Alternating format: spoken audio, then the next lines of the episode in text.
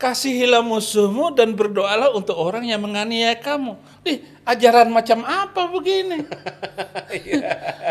Masa musuh dikasihi? Musuh itu harus dihabisin. Tetapi Yesus luar biasa Luar mengajarkan. biasa. Pantas aja. Makanya saya bertanya, orang Kristen itu kitab sucinya apa ya? oh gitu ya. Ada apa di balik hati dan otaknya itu? Ya, salam sejahtera buat kita semua yang dikasihi Tuhan. Shalom. Kembali berjumpa dengan saya Pastor Joshua Tewu DBS dalam program rohani spesial kesayangan kita bersama Perspektif Joshua Tewu. Kali ini narasumber kita sangat spesial, orang yang luar biasa dipakai Tuhan dan saya menggelari beliau The Phenomenon. Ya. Dan kita akan mendengarkan kisahnya mulai sejak dia sebelum menjadi pengikut Kristus sampai dia menjadi pengikut Kristus yang sangat luar biasa dan sampai dia sekolah kehidupan. Apa itu sekolah kehidupan nanti kita bahas sebentar. Siapa lagi kalau bukan Mr. Saifuddin Ibrahim. Shalom. Salam. Luar biasa Pak Sai. Ini orang yang super sibuk kali ini memang saya bersyukur juga ada PSBB ini ada ada COVID-19 sampai bisa punya waktu. Kalau enggak sudah keliling seluruh benua ini. Apa Iya, kabar Pak Sai? Kabar Sehat baik, luar biasa, ya. biasa. Puji Bisa Tuhan. bertemu lagi dengan sahabat yang weh Pastor Yosua Tewo ini viral karena kerasnya dia berbicara tentang kehidupan juga.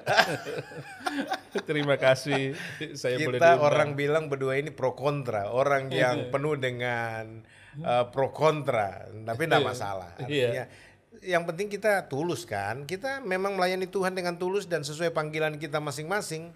Iya. Ya, jadi kita memandang Tuhan saja. Biasa orang melihat kita dengan cara yang berbeda-beda. Seperti Om Sai ini kan luar biasa. Waduh, berjuta-juta orang senang lihat Om Saifuddin, tapi banyak juga orang Paulus dimusuhi oleh murid-murid Tuhan yang lain dan setelah melihat Paulus itu tulus dalam melayani bahkan dua kali mengelilingi Eropa dia ketemu dengan orang besar, gubernur, orang-orang kecil supaya apa yang saya beritakan ini sama dengan yang dibicarakan oleh Musa dan disampaikan cerita kitab suci. Wah, luar Jadi nggak usah takut dengan kontroversial. Amin. Selama hati kita Tertuju memiliki pada dia. tertuju kepada dia, Haleluya. kebenaran yang kita pegang ini jangan sampai kita lepaskan sedikit pun. Mantap. Sebelum lebih jauh kita berbincang-bincang dengan sang The Phenomenon ini, kita lihat dulu yang satu ini.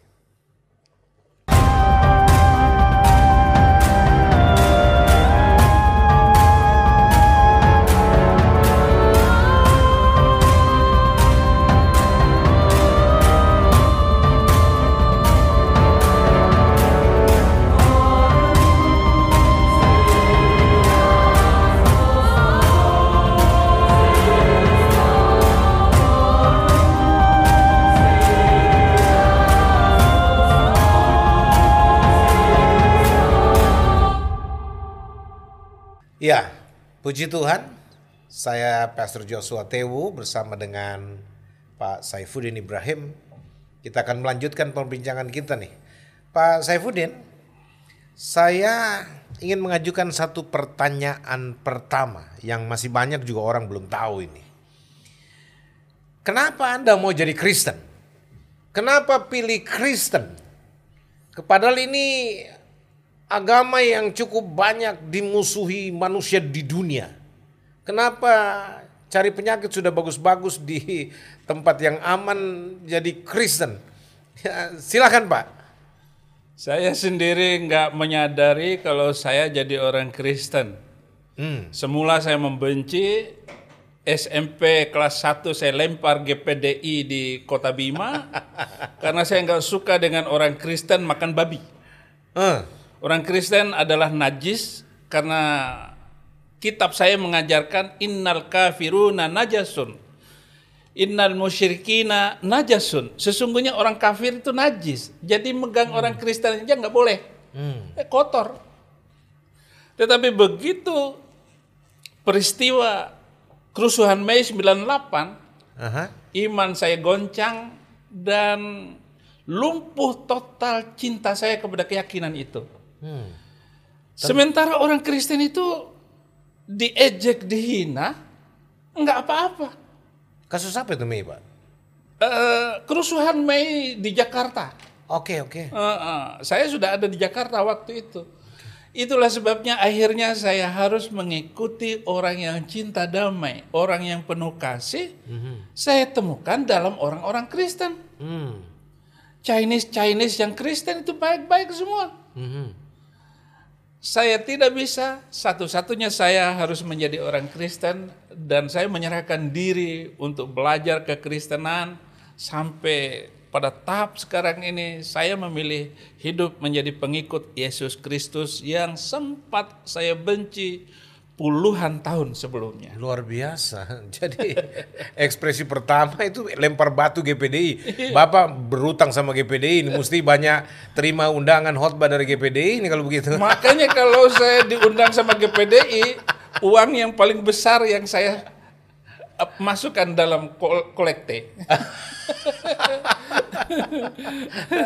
Nggak Ja- boleh eh, eh, pecah-pecahin duit, harus yang paling besar. Jadi di peristiwa Mei itu Bapak jadi terbuka ya melihat kenyataan hidup orang yang dianiaya, orang yang dizolimi, tapi kok tidak membalas, bahkan mereka cukup tenang dan penuh dengan ucapan syukur kepada Tuhan.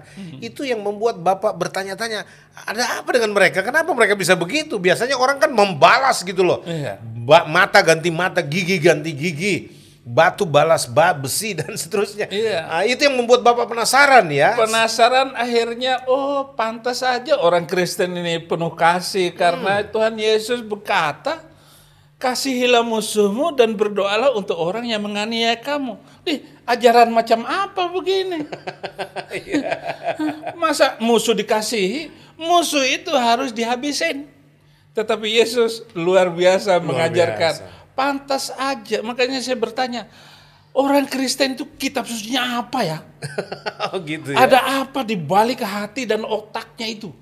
Ah, Kok begitu baik begitu? aha. Wah, luar biasa. Tidak ada cara yang lain kecuali saya harus jadi orang Kristen. Dan sampai sekarang. Luar Bagiku hidup adalah Kristus. Mati keuntungan. Mati aja untung. Jadi ini pemirsa, Pak Saifuddin ini kan terjerat pada hukum yang terutama itu. Kalau agama-agama di seluruh dunia mengajarkan sampai pada tingkat yang tertingginya itu adalah kasihilah sesamamu manusia seperti dirimu sendiri. Ya, tetapi kemudian Yesus maju selangkah dan tidak ada agama satupun di dunia yang berani ikut langkah Yesus yang mengajarkan melampaui dimensi kesanggupan manusia dengan berkata kasihilah musuhmu. Itu yang membuat Pak saya tertegun luar biasa ya. Dan itu bukan cuma bahasa slogan karena Yesus demonstrasikan di kayu salib kan Amin. dengan dia berkata, "Ya Bapa, ampunilah mereka karena mereka tidak tahu apa yang mereka perbuat." Iya. Jadi ini yang menjadi inspirasi besar yang Bapak kemudian ingin jadi Kristen dan semakin mendalami ajaran Yesus. Luar biasa. Jadi begitu saya baca Alkitab dan perbandingannya dengan kitab suci saya yang lama, oh, saya harus meninggalkan ajaran itu. Saya harus tinggalkan dan saya bertungkus lumus belajar di bawah kaki Tuhan, yaitu Alkitab ini. Karena ini adalah warisan zaman, warisan para nabi, warisan seluruh manusia yang pernah dikasihi Tuhan untuk membangun peradaban, toleransi dan damai hanyalah dengan firman Tuhan Alkitab ini. Amin. Saya melihat bahwa negara-negara Arab hancur, Mesir hancur, Libya porak-poranda, Syria binasa, kacau balau. Irak, Iran hancur semuanya.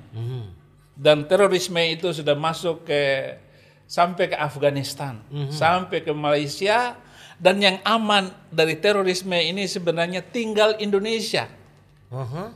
Terorisme di Indonesia belum seberapa dibandingkan dengan negara-negara yang sudah hancur Yang meluluh lantakkan. lulu lantak semua penduduknya lari meninggalkan kampung halamannya pergi ke Eropa, pergi ke Australia, Amerika, negara-negara kafir yang mereka katakan itu. Mereka hidup di situ. Kenapa sampai bisa begitu beringas sih Pak atas nama agama dan sebagainya ya?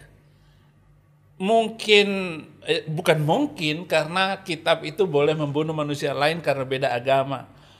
Bunuhlah mereka di mana saja kamu jumpai mereka dan usirlah mereka di mana kamu diusir. Kemudian di dalam surat ke-9 ayat 29 Perangilah orang-orang yang tidak beriman kepada Allah dan hari kemudian mereka tidak mengharamkan apa yang diharamkan oleh Allah dan Rasul. Mereka tidak beragama dengan agama ini, yaitu mereka yang diberi Alkitab.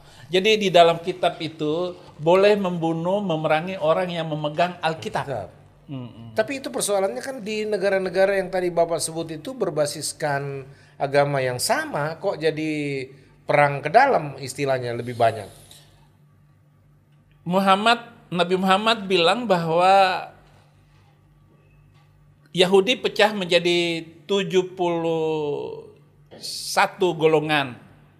Kemudian Kristen pecah jadi 72 dan Islam akan pecah jadi 73 dan hanya satu yang benar yaitu ahlu sunnah wal jamaah.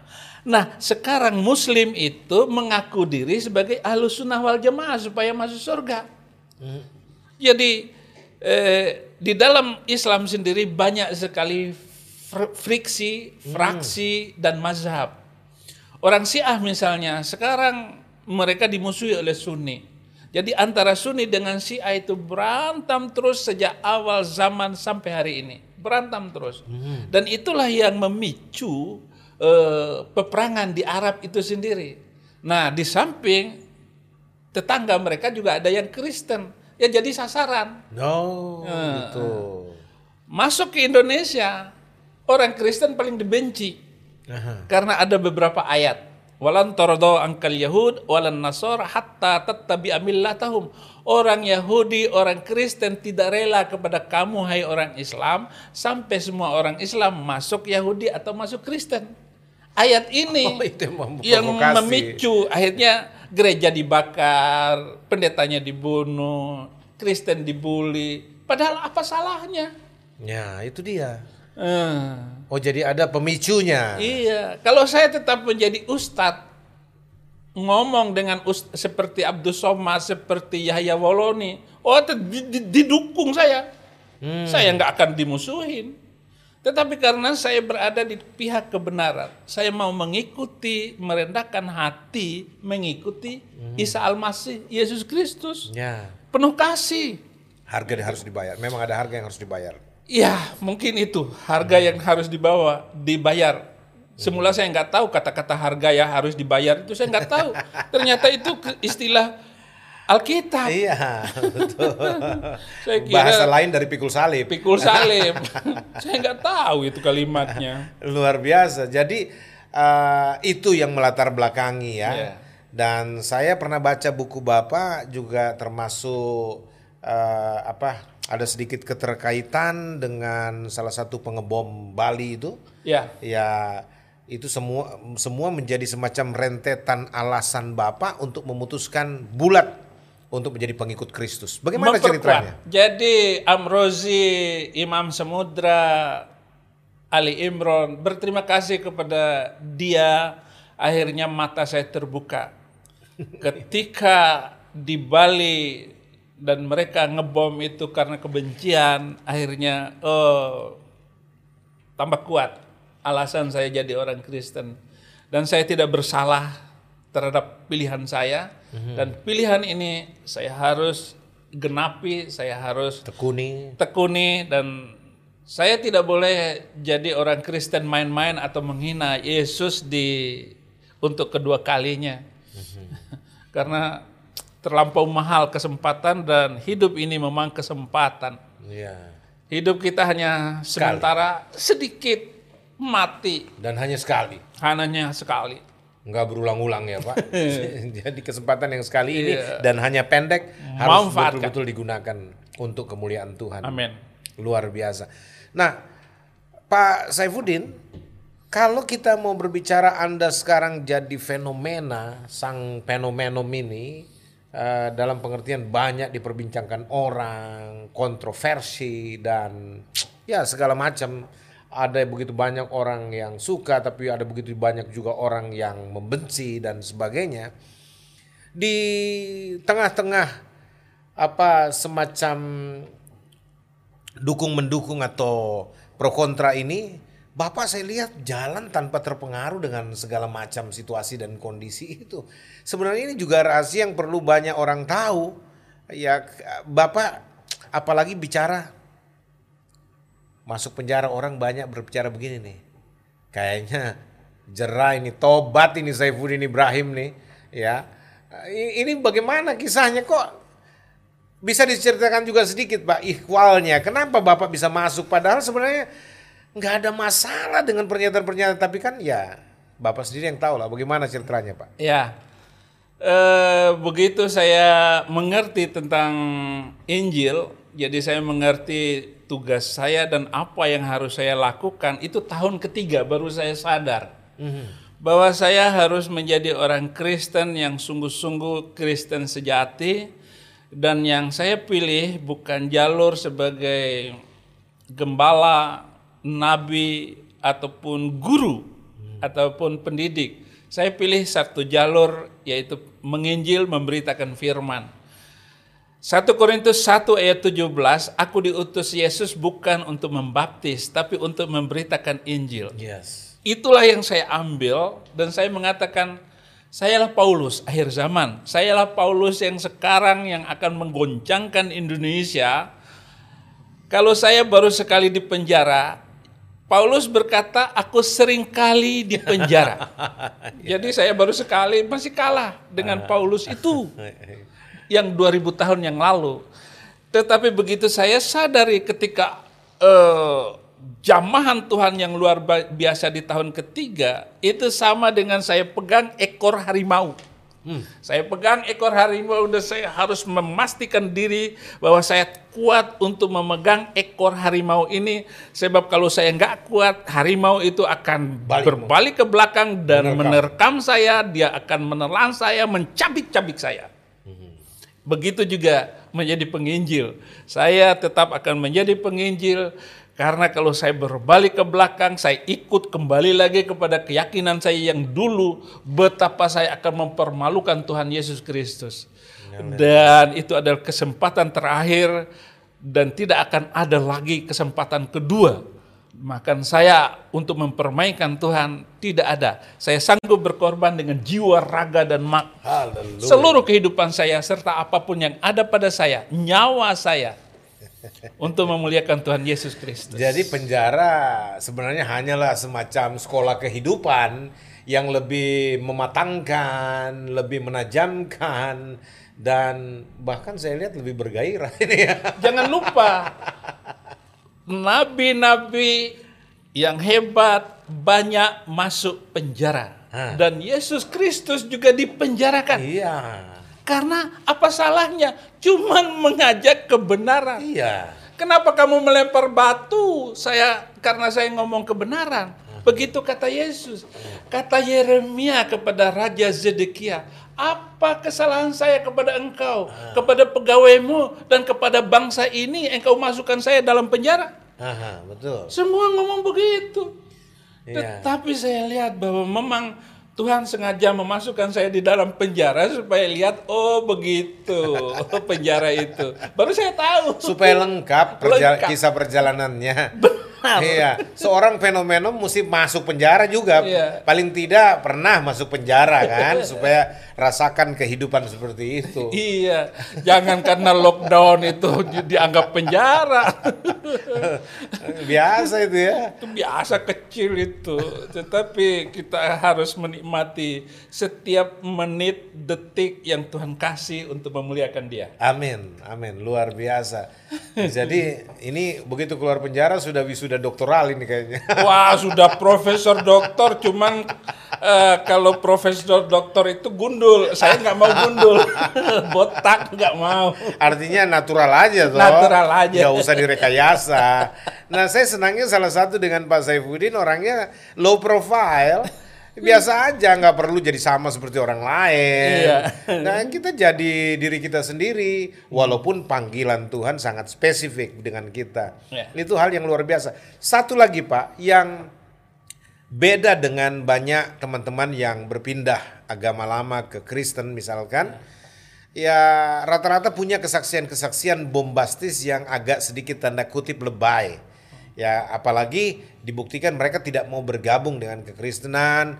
Mereka bahkan mengatakan oh saya tidak benar diajarkan uh, tu, uh, manusia. Saya langsung terima dari Tuhan. Saya lihat Pak Saifuddin nggak seperti itu. Orangnya rendah hati. Orang yang saya lihat bahwa berjalan di atas apa kehidupan yang nyata gitu loh. Dan mau merendahkan diri juga masih terus mau belajar mau bertanya. Salah satunya kan bapak ya di kalam ini dengan kita bahkan bapak nggak sungkan-sungkan berkata walaupun saya rasa amat sangat gimana ya ketika Pak Saifuddin suka bilang ini Pak Joshua Tewu guru saya dan sebagainya aduh ini bagi saya kita sahabat kita teman ya kita istilahnya saling share, saling melengkapi satu dengan yang lain. Tapi itu bentuk kerendahan hati Bapak saya lihat dibandingkan dengan yang lain yang sudah nggak mau belajar Pak setelah jadi Kristen. Seolah-olah sudah cukup ilmunya untuk kemudian bisa kiprah ke mana-mana. Bapak beda, orang yang terus belajar, orang yang terus bertanya. Ini bagaimana sebenarnya apa yang alam Bapak alami sebenarnya sih? Memang ada beberapa bekas uh, pembelajaran saya sebelum saya terima Yesus Kristus itu di antaranya kita harus belajar sampai liang kubur, mm-hmm. kita harus belajar dari dari bayi sampai mati dan seterusnya. Uh, dan saya melihat bagaimana Paulus menulis dan mengajarkan dengan tekun mm. dan konsisten, konsisten di dalam uh, visi dan misi. Nah, itu juga saya pegang uh, sejak saya terima Yesus Kristus. Tetapi uh, kenapa saya bisa merendahkan hati eh, uh, dan membuang kesombongan ini, mm-hmm. walaupun begitu susahnya untuk yeah. mengupas diri dan dan mencuci seluruh isi hati saya supaya benar sesuai dengan firman Tuhan. Itu pun pekerjaan yang berat. Tetapi bagi orang yang baru bertobat, yang pertama dia harus uh, belajar berdoa, uh, mendoakan dirinya, keluarganya, dan juga bangsanya terakhir. Kemudian seorang yang baru bertobat juga dia harus uh, punya Alkitab, harus tiap hari membaca Alkitab. Kitab yang pertama dia harus membaca kitab Yohanes. Yang ketiga dia harus bergereja. Iya. Nah, karena di gereja itu ada mimbar, ada ada hamba Tuhan yang akan mengajar, menyampaikan firman Tuhan. Ya. Karena dia adalah perpanjangan lidah Tuhan. Yes. Seorang hamba Tuhan mengajarkan kitab suci dan menyampaikannya di atas mimbar. Hmm. Sehingga orang yang baru bertobat tidak boleh tidak bergereja, dia harus masuk ke gereja. Ya. Yang keempat, seorang penginjil apa? Seorang yang baru masuk Kristen, dia harus berkomunitas. Yes. Harus ikut di dalam kegiatan kekristenan di gereja mana dia hidup. Ya. Uh, dia bertumbuh ikut di komsel, situ. dia bisa bertumbuh di situ. Melayani di situ. Kalau enggak mati kotor, mati konyol itu orang, imannya itu. Iya. Uh, yang ke lima. lima dia harus bersaksi, harus mau menceritakan bagaimana perubahan dirinya setelah dia menerima Yesus Kristus sebagai Tuhan dan juru selamat dan harus membagi iman itu. Betul. Supaya orang yang belum kenal Yesus Kristus ikut Yesus seperti dia merasakan sukacita menjadi orang Kristen. Kenapa? Karena kalau orang itu tidak menerima Yesus Kristus, binasa mati konyol alias masuk neraka. Amen.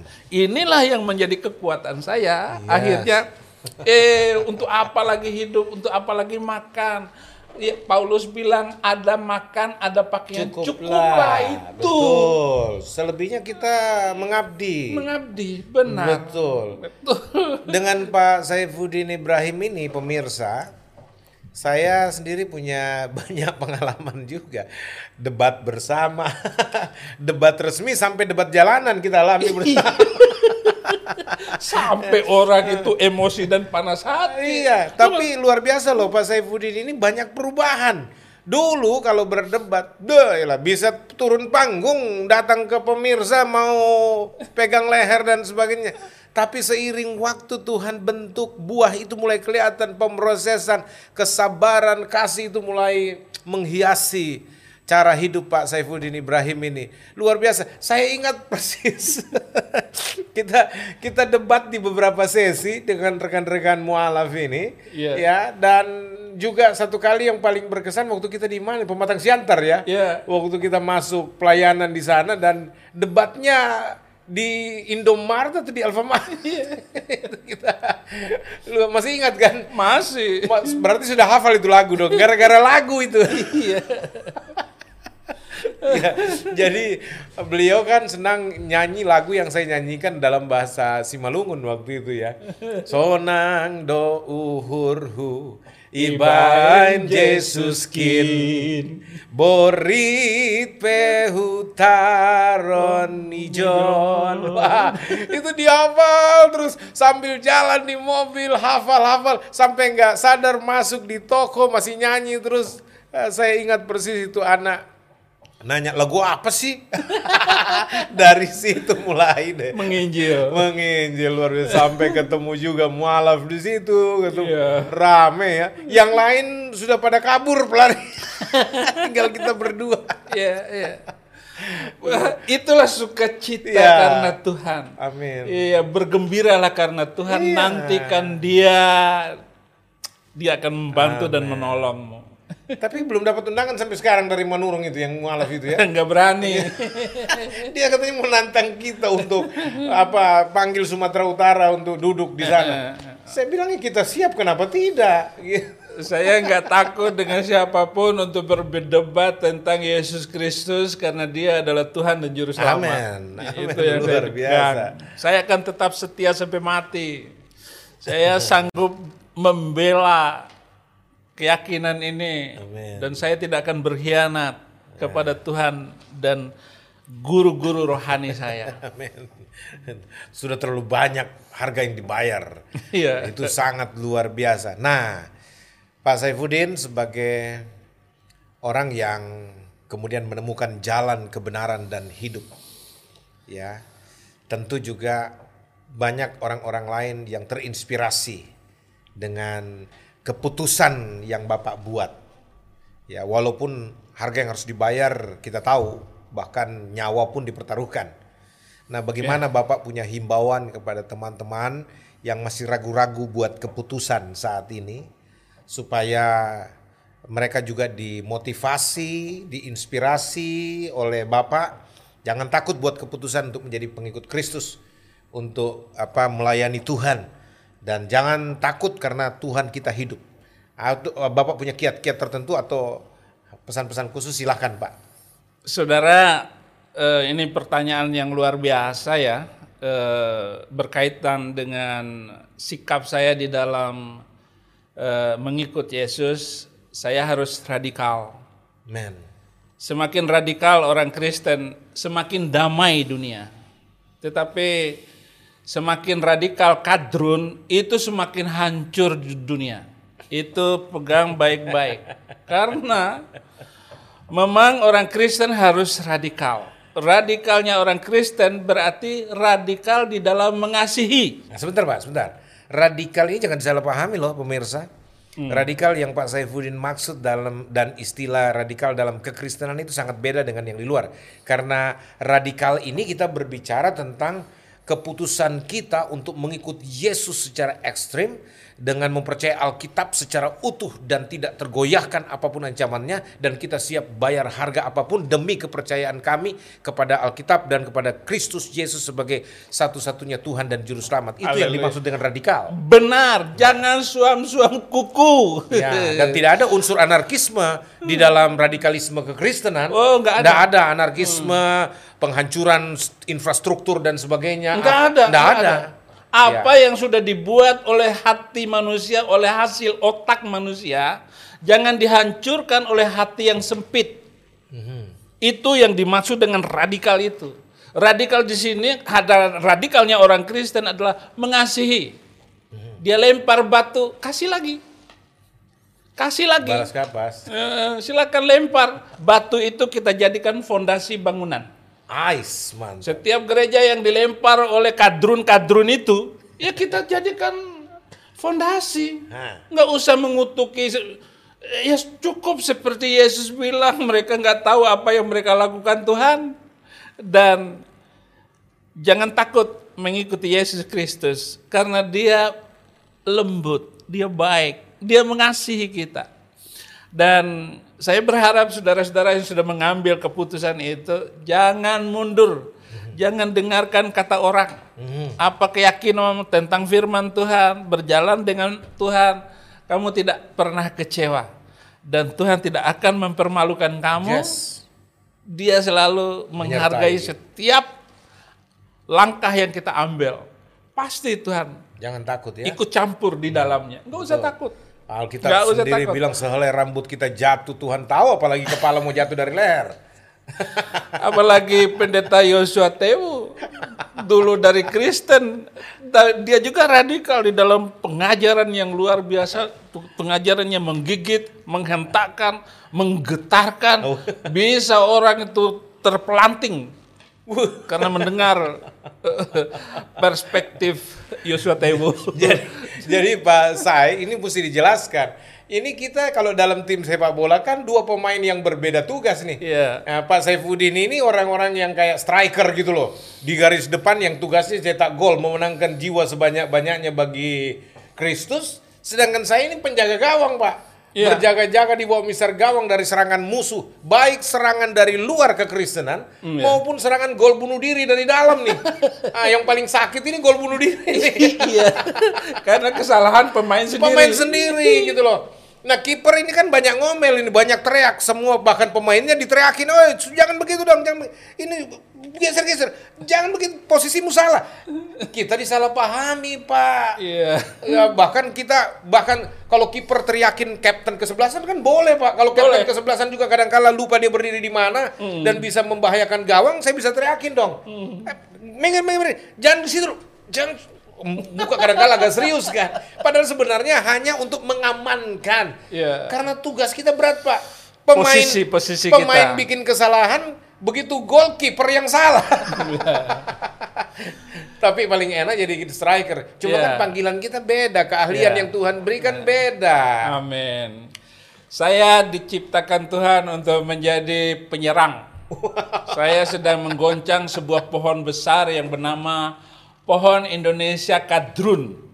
Jadi saya akan goncang ini pohon dan buahnya jatuh, gereja akan ambil di mana-mana. Haleluya. Apa yang saya lakukan?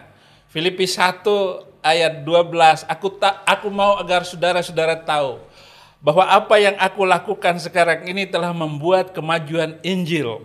Istana seluruh tahu bahwa aku masuk penjara karena Kristus dan aku mau agar saudara-saudara di dalam Tuhan semua berani berbicara tentang firman Tuhan tanpa takut. Jadi seorang penginjil itu ngomongnya sembarangan, sepertinya sembarangan. Sepertinya, tapi bukan sembarangan. Ong saya dasarnya Oh, Alkitab kuasa semua. Tuhan juga menyertai. Dan kalau saya berbicara mungkin dalam khutbah itu asal eh, lidahnya pelat-pelot ke sana, tetapi urapan itu akan membuat semua pembicaraan atas nama Tuhan akan membuat kadrun ataupun orang Kristen dari awal gemetar dan banyak mereka akhirnya masuk Kristen. Amin. Heeh. Jadi ini memang mesti ditahu semua orang Pak Saifuddin. Ya, terima kasih. Eh, Kalau nggak ada hambanya tanya begitu, mungkin saya nggak akan cerita. Gitu. ada, ada, hasil yang dituntut berbeda. ah, Pak Saifuddin, Ya. seorang striker itu dituntut dia cetak sebanyak mungkin gol. ya, Memenangkan jiwa sebanyak mungkin. amin. Oh, seorang penginjil. Ya. Tapi tuntutan kepada seorang kiper, seorang apologet itu beda gitu loh. Tahan gol sebanyak-banyaknya. Kalau perlu jangan ada gol kan? Itu. Nah, sekarang saya dituntut untuk memenangkan jiwa sebanyak mungkin. Eh, saya bukan penyerang, Bos. Saya bukan striker, saya ini penjaga gawang. Nah, kalau Bapak yang dituntut untuk Iya. mencegah gol sebanyak-banyaknya juga salah. Iya, Tuntutan makanya kepada Bapak menangkan jiwa sebanyak mungkin bagi jangan Kristus. sampai ada anak kita jemaat gereja kawin dengan anak haji dolah kan itu tugas kiper Itu dia, betul. jangan sampai itu kesalahan Jangan sampai domba kawin sama kawin sama kambing bandot. iya itu yang terjadi Itu. Karena Al-Quran bilang begini, ini saya heran juga ini, ada ayat Quran surat kelima ayat 47, wal yahkum ahlal injila bima anzalallah fi wa man lam yahkum bima anzalallah faulaika humul fasikun. Hendaklah pengikut Injil memutuskan perkara berdasarkan Injil. Loh, kok di Al-Quran bicara begitu? Iya. Barang siapa yang tidak memutuskan perkara berdasarkan Injil, maka mereka adalah orang-orang fasik. Ah. Jadi kalau ada orang Kristen masuk Islam, Aha. fasik, Fasik. busuk.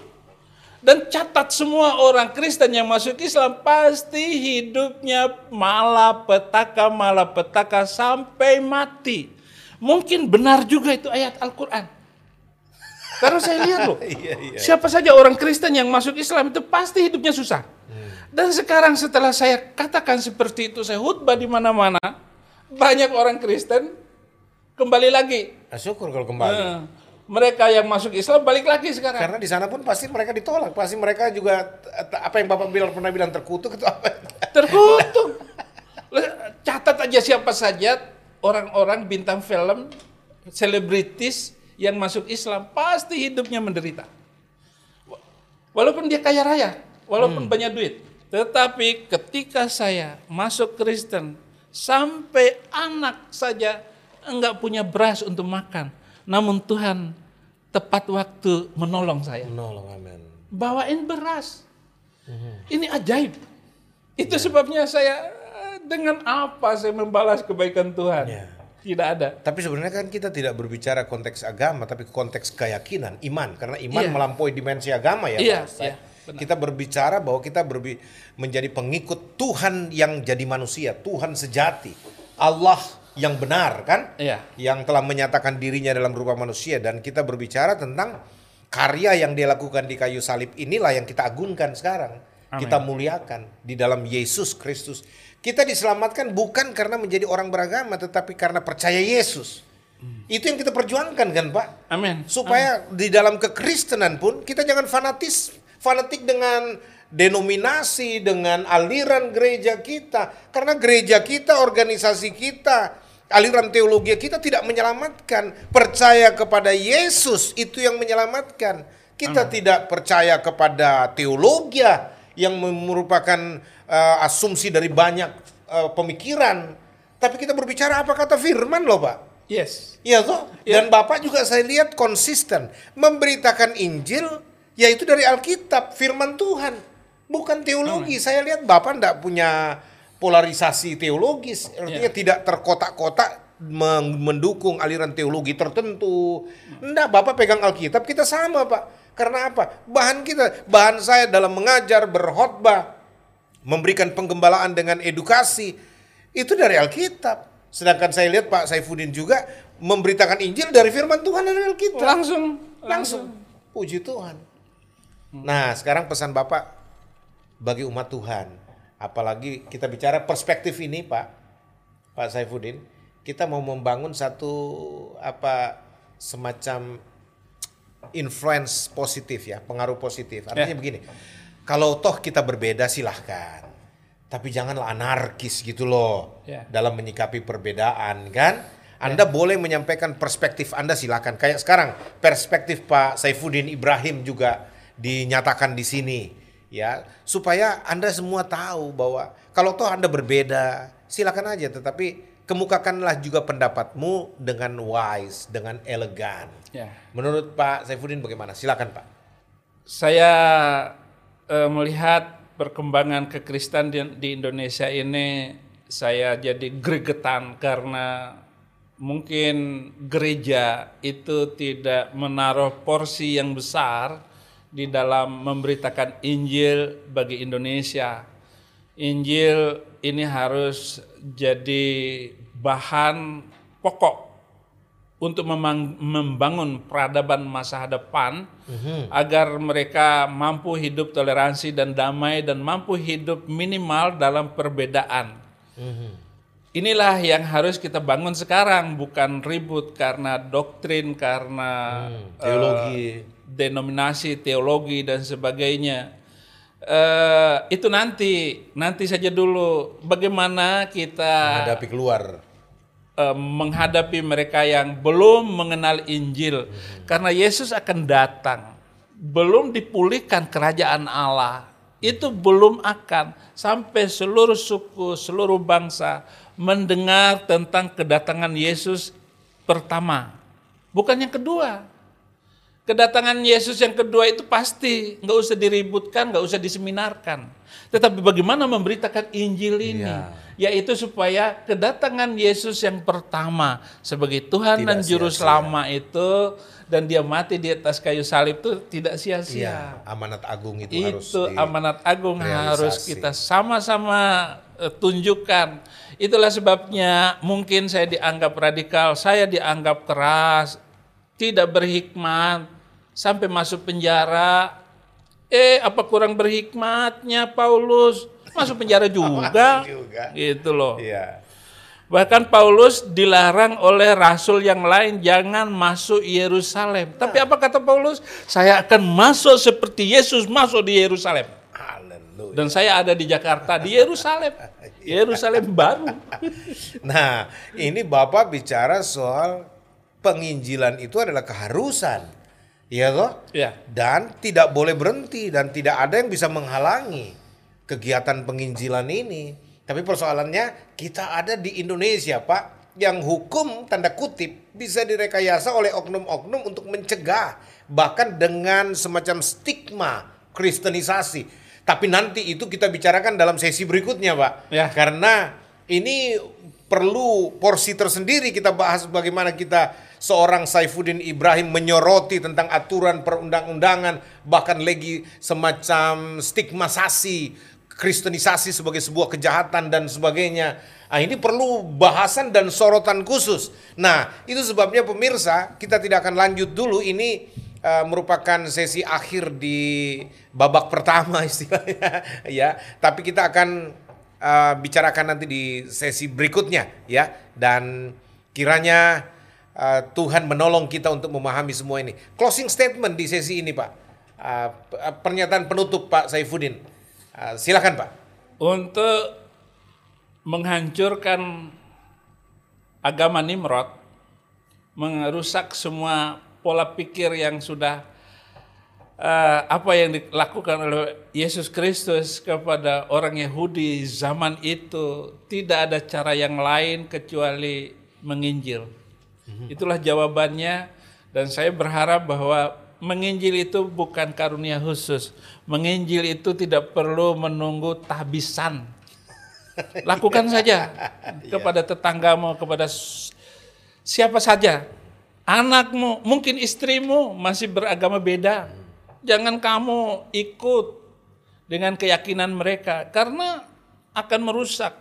Akan merusak, saya jamin. Ya, Tidak ada tahbisan khusus. Iya tahbisan khusus. Mari kita memberitakan Injil. Itu adalah obat bagi sakit sosial di Indonesia. Luar biasa. Tuhan Yesus memberkati.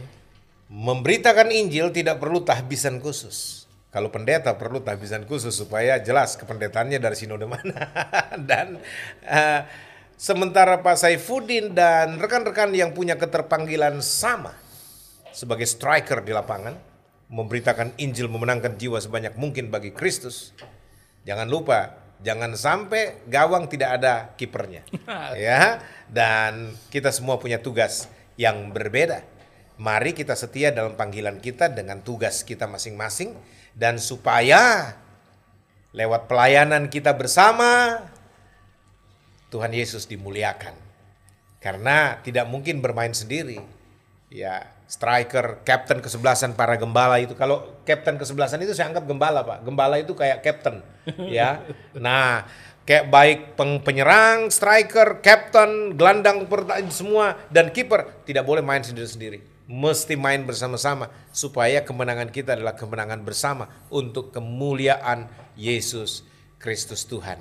Pada akhirnya kami berdua, saya Pastor Joshua Tewu DBS dan Pak Neta Saifuddin Ibrahim, silakan Pak. Kita mengucapkan salam sejahtera bagi semua pemirsa. Shalom. Salam.